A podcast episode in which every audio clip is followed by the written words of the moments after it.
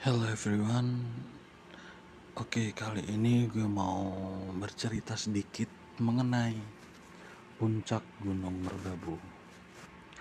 Jadi Merbabu itu merupakan salah satu gunung tertinggi yang ada di Jawa. Ketinggiannya mencapai 4480 meter di bawah permukaan laut Gunung ini memiliki dua akses untuk jalur pendakian. Yang pertama via Cuntel yang berada di kawasan Kopeng, kemudian via Selo yang berada di kawasan Boyolali.